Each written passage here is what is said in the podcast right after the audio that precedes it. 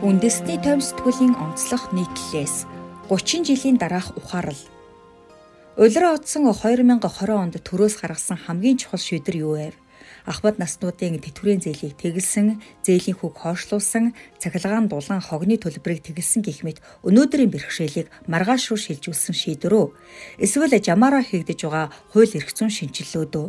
Энэ бүхнийг чухал гэж үзвэл өнгөрсөн хугацаанд манай улс төрчид ийм л зүйлийг хилцэн шийдвэрлсээр арчилсан хувьсгалынхаа 30 жилийн ойтой золгосон. Их эзэн Чингис хааны удирдсан 100 мянга хүрэхгүй Монгол цэрэг энэтхэгээс Вьетнам, Солонгосоос балконы хойг хүрсэн Монголын эзэнт гүрнийг 30 жилийн хугацаанд байгуулсан төвхтэй. Харин арчилсан хувьсгалаас хойш 30 жилийн хугацаанд манай төр засгийн удирдлагууд галыг унтрааж, гажуудлыг тэрүүхэн тентэн зассаар л явж байна. Энэ хугацаанд Баян ядуугийн ялгаа орлогын тэгш бус байдал гүнзгэрч далд эдийн засаг цэцэглэж шударгаас алдагдсан нь хинч маргахын аргагүй нэ. Монгол улсын нийт хүн амын 28.4% нь буюу 3 хүн тутмын нэг нь дунджаас доогуур түвшинд амьдарч байгааг үндэсний статистикийн хорооноос тодорхойлсон. Гэхдээ энэ нь монголчууд ардчлаар замсан нь буруутсан гэсэн үг биш. Арчилсан хувьсгал монголчуудад эрх, эрх чөлөө, олон ургалч үзэл, чөлөөт хэвлэл мэдээлэл, олон намын тогтолцоо бүхий парламентын засаглал, зах зээлийн эдийн засаг гэх мэт олон чухал зүйлийг өгсөн. Харин бүгд эрхэн эдэлдэг шигэн үүргээ хариуцлага ухамсарлахгүй дур зоргоорон авирлаж нэгдсэн удирдлага зохион байгуулалт төлөвлөлт төлөвлөгөөгүй явсаар бусдад чамлагдсан өнөөдрийн Монгол улсыг бий болгосон юм.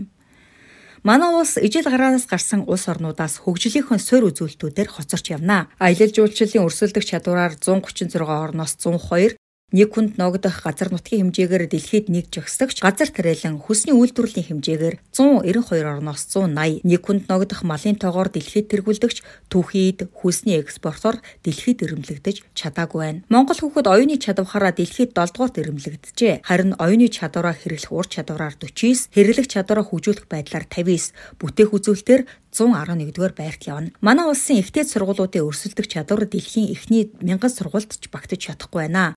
Манайда хамгийн сайн гэгддэг Монгол Улсын их сургууль гихтэл дэлхийн ихтэй сургуулиудын 3.18-д жигсэж байгаа юм. Монголчууд бид 3 саяулаач, монголчууд бид 3хан саяулаач хүний хөгжлийн үзүүлэлтээр 189 орноос 92, боловсролын үзүүлэлтээр 103, дундаж наслалтын үзүүлэлтээр 107 дугаар, өрсөлдөх чадвар индексээр 141 орноос 102 дугаарт ирэмлэгдэж байгаа. Энэхүү байдлаа ижил төстэй 60 оронтой харьцуулахад Грек, Аргентин, Хорват, Венесуэлийн өмнө 57 дугаарт жагсаж байна. Манай улсын энэ байдал далайд гарцгүй эрсдэс уур амьсгалтай гих мэт давдгшгүй хүчин зүйлс нөлөөлж байгаа нь ойлгомжтой. Харин үүнээс хамааралтай ямар нэгэн шалтгаан нөлөөсөн тухай тодорхой дүгнэлт бий. Монгол улсын өнөөгийн байдал яагаад ийм болов гэдгийг судлаачид өгнөхтэй бүх төлөвлөлт нь сонгуульд дагсан 4 жилийн циклтэй төрийн албан хаагчид нь улс төрөөс шалтгаан шалтгаалan тогтвортой ажиллах боломжгүй, гаднын хөрөнгө оруулалтад таатай ханддаггүй, хүлээсэн үүрэгтэй эзэн болдгүй, хариуцлага хүлээх чадвар сул зэрэг засаглалын гажуудал хөгжилд томоохон чөдөр тушаа болж байна хэмээн дүгнсэн байдаг.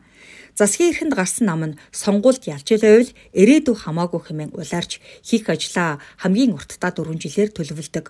Мөн тухайн 4 жилдээ нам дотор нь хөлөөж ийлцэж засгийн газраа унгадаг буруу жишгийг уламжлал болон тогтсон. Энэ бүрт төрийн залгамж чанар уялдаа холбоо алдагдаж төлөвлөгөө нь өөрчлөгддөг. Өнгөрсөн 30 жилийн хугацаанд Монгол улсад урт хугацааны төлөвлөгөө хүрэх ёстой зорилго зорилт гэж байгаагүй нь үүнд нөлөөлсөн бизээ. 2000, 2010, 2020 он гэхэд Монгол улсын хүн ам, эдийн засгийн өсөлт, дотоодын нийт бүтээгдэхүүний хэмжээ, ядуурл, өрсөлдөх чадвар, авилгын индекс, боловсролын түвшин, дундаж наслалтыг төдөд хүргэнэ гэсэн үндэсний нэгдсэн бодлого байсангүй. Аль ч нам засгийн эрхэнд гарсан хууль мэт хэрэгжүүлэх нэгдсэн бодлогогүй явж ирснээс сонгуульд ялсан нам болгон өөр өөрийнхөө улсын бодлогыг тодорхойлж түүнийгэж бүрэн хэрэгжүүлэхгүй явж ирлээ. Салбар дамсан томоохон сорилтуудын нэг бүрэн эрхээ хугацаанд шийдвэрлэж чадахгүй нь ойлгомжтой. Тиймээс улс орнууд хөгжлийн бодлогоо урт хугацаанд өөрийн онцлогтой тулгуурлан төлөвлөдөг.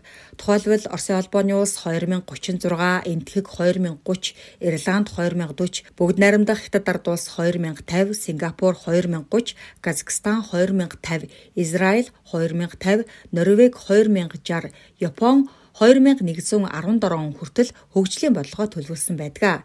Хизээ хаана хүрэхээ харж чадахгүй бол тэнд хизээч очиж чадахгүй гэдгийг манай улс 30 жилийн дараа ухаарч алсын хараа 2050 гэсэн урт хугацааны хөгжлийн үзэл баримталтай боллоо. Энэхүү урт хугацааны хөгжлийн үзэл баримтлалыг өнгөрсөн 5 дугаар сард батлаж Монгол улс анх удаа хөгжлийн бодлогоо урт хугацаанд төлөвлөсөн баримт өчгтэй болсон юм а. Өөрөөр хэлбэл монголчууд төлөвлөлтгүй 30 жилийн төгсгөл төлөвлөгөөт 30 жилийн эхлэл дээр зогсож байна.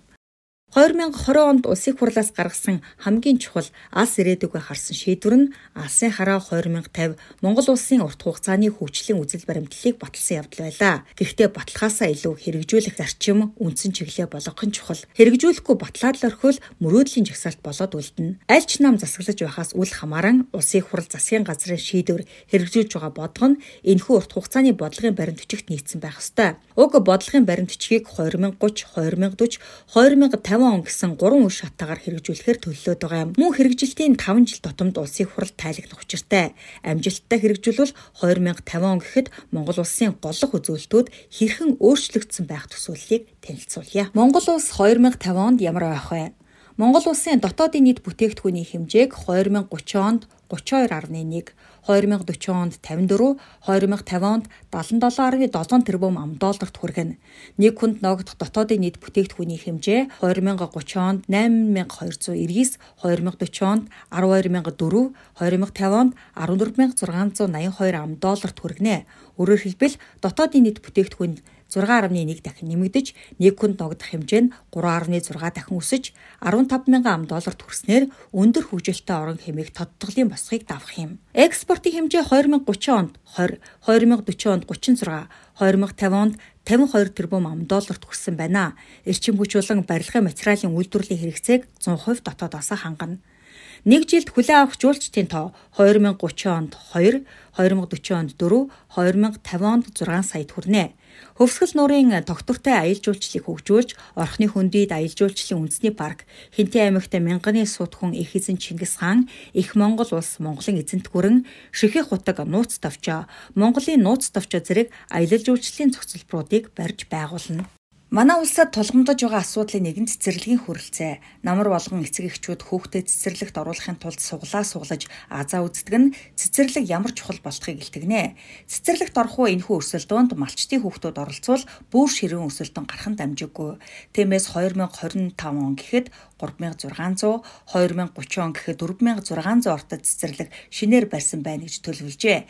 Ингэснээр 2030 онд малчтын хүүхдүүдийн 85%-ийг цэцэрлэгт хамруулах боломжтой болох бөгөөд 2040 онд 90, 2050 онд 100% цэцэрлэгт хамруулах юм байна.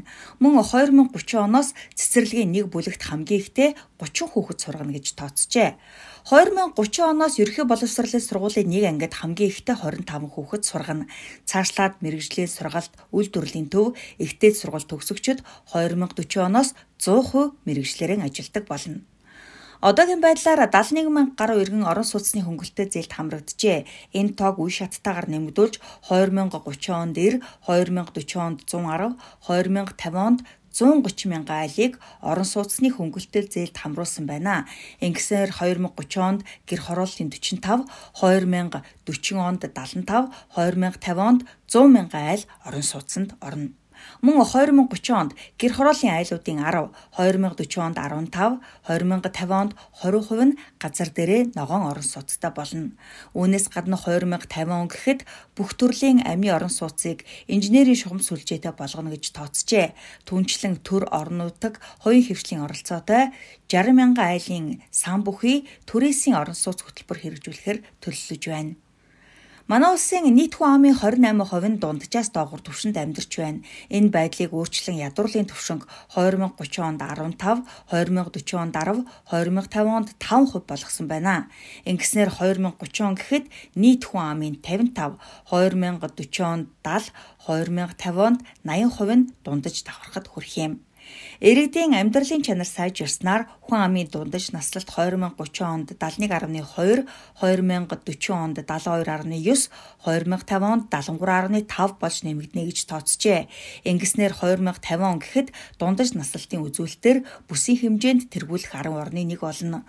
Мөн Монгол хүний хөгжлийн индексийг 1.9-т хүргэж 2050 он гэхэд аз жаргалын индексээр дэлхийн эхний 10 орны тоонд багтана гэсэн том зорилт тавилаа.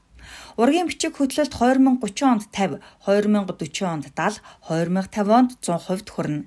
2030 он гэхэд дэлхийд танигдсан урлагийн 5 бүтээлтэй болсон байна. Цаашлаад 2040 онд 20, 2050 онд 100-аас дээш урлагийн бүтээлээ дэлхийд дахин танилцуулна гэж төлөвлөжээ.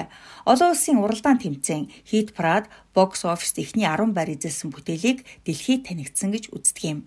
Улсын тусгай хамгаалттай газар нутгийн хэмжээ 2030 онд нийт нутгийн 30, 2040 онд 33, 2050 онд 35% хүрнэ. Ингэснээр 8.7 тэрбум долларт тэмцэх хэмжээний өргөж алдагдахаас урдчлан сэргийлнэ гэж тооцжээ. Ойгоор бүрхэгдсэн газар нутгийн хэмжээ нийт нутгийн 7.9% байгааг 2030 онд 9, 2040 онд 9.8, 2050 онд 10.5% хүргэнэ.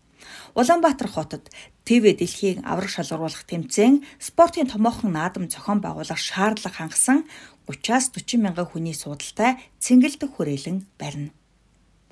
Алсын хараа 2050 урт хугацааны хөгжлийн үзэл баримтлалд тоон утгаар илэрхийлсэн зорилго зорилтуудыг онцолбол Монгол улс 30 жилийн дараа нэг иймэрхүү дүр төрхтэй байх нь.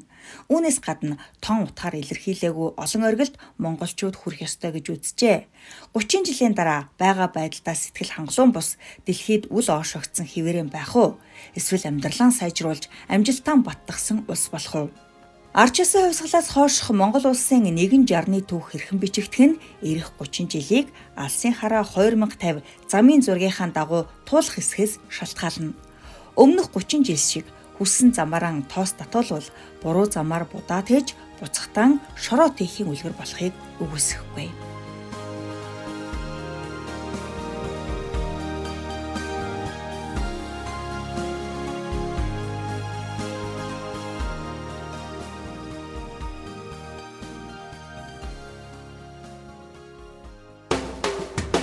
Итгэж болох экссурулж. Игэл радио 91.1